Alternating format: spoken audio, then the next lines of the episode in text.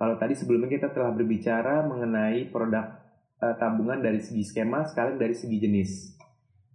Bank Syariah Mandiri dalam hal ini sebagai contoh dan juga mungkin bank syariah-bank syariah lainnya memiliki beberapa uh, jenis-jenis produk tabungan dengan fitur-fitur dan benefit yang berbeda sesuai dengan kebutuhan dan keperluan bagi nasabahnya.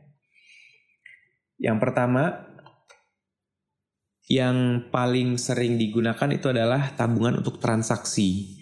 Tabungan untuk transaksi ini kita ada tabungan mandiri syariah, dengan skema yang tadi dua pilihan tadi, baik yang wadiah, titipan maupun yang mudah robah bagi hasil. Nah, tabungan-tabungan ini uh, tentu saja telah kita lengkapi dengan fitur-fitur yang baik sehingga ketika kita bicara berkompetisi dengan bank konvensional, insya Allah bank syariah itu juga tidak kalah. Artinya kita tidak harapkan keengganan seorang nasabah untuk melakukan hijrah keuangan kepada perbankan syariah itu terhambat karena adanya hambatan fitur-fitur yang sifatnya itu teknikal atau sifatnya itu adalah uh, produk. Kita ingin memberikan kemudahan-kemudahan bahwasanya ketika orang berhijrah, dia akan mendapatkan manfaat. Selain manfaatnya sifatnya itu adalah akhirat, tapi manfaat keduniaannya itu juga bisa terasa. Salah satu juga yaitu kita terus memperbaiki Uh, dan terus memberikan fitur-fitur yang lebih lengkap lagi sehingga kita tidak kalah berkompetisi dengan bank, konven bank konvensional. Kemudian uh, para pendengar yang budiman yang dirahmati oleh Allah Subhanahu wa taala, selain untuk transaksi, kita juga memiliki produk tabungan dengan tujuan untuk jangka panjang. Artinya di sini ada perencanaan keuangan yang ingin dilakukan oleh nasabah dalam waktu yang uh, menengah ataupun jangka panjang. Dalam hal ini kita ada tabungan berencana.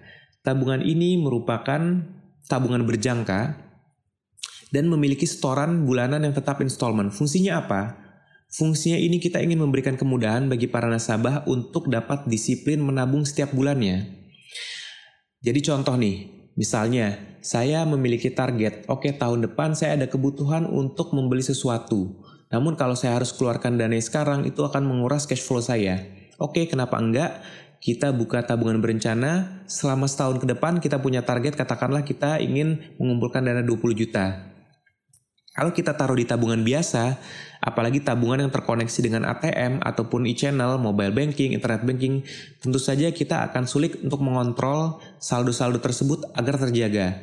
Namun dengan tabungan berencana ini, para nasabah mampu menargetkan uh, sejumlah uh, keuangan misalnya untuk saldo 20 juta saya ingin menargetkan dalam waktu satu tahun maka dengan satu tahun kira-kira sebulannya itu kita harus menabung sebanyak apa dan ini kita lengkapi dengan perlindungan asuransi gratis artinya bagi para penabung ketika nanti terjadi sesuatu itu dia akan eh, mendapatkan manfaat asuransi uh, yang dalam hal ini preminya kita gratiskan. Nah ini adalah tabungan berencana, tabungan berjangka yang digunakan dapat untuk mengatur target-target jangka menengah dan jangka panjang.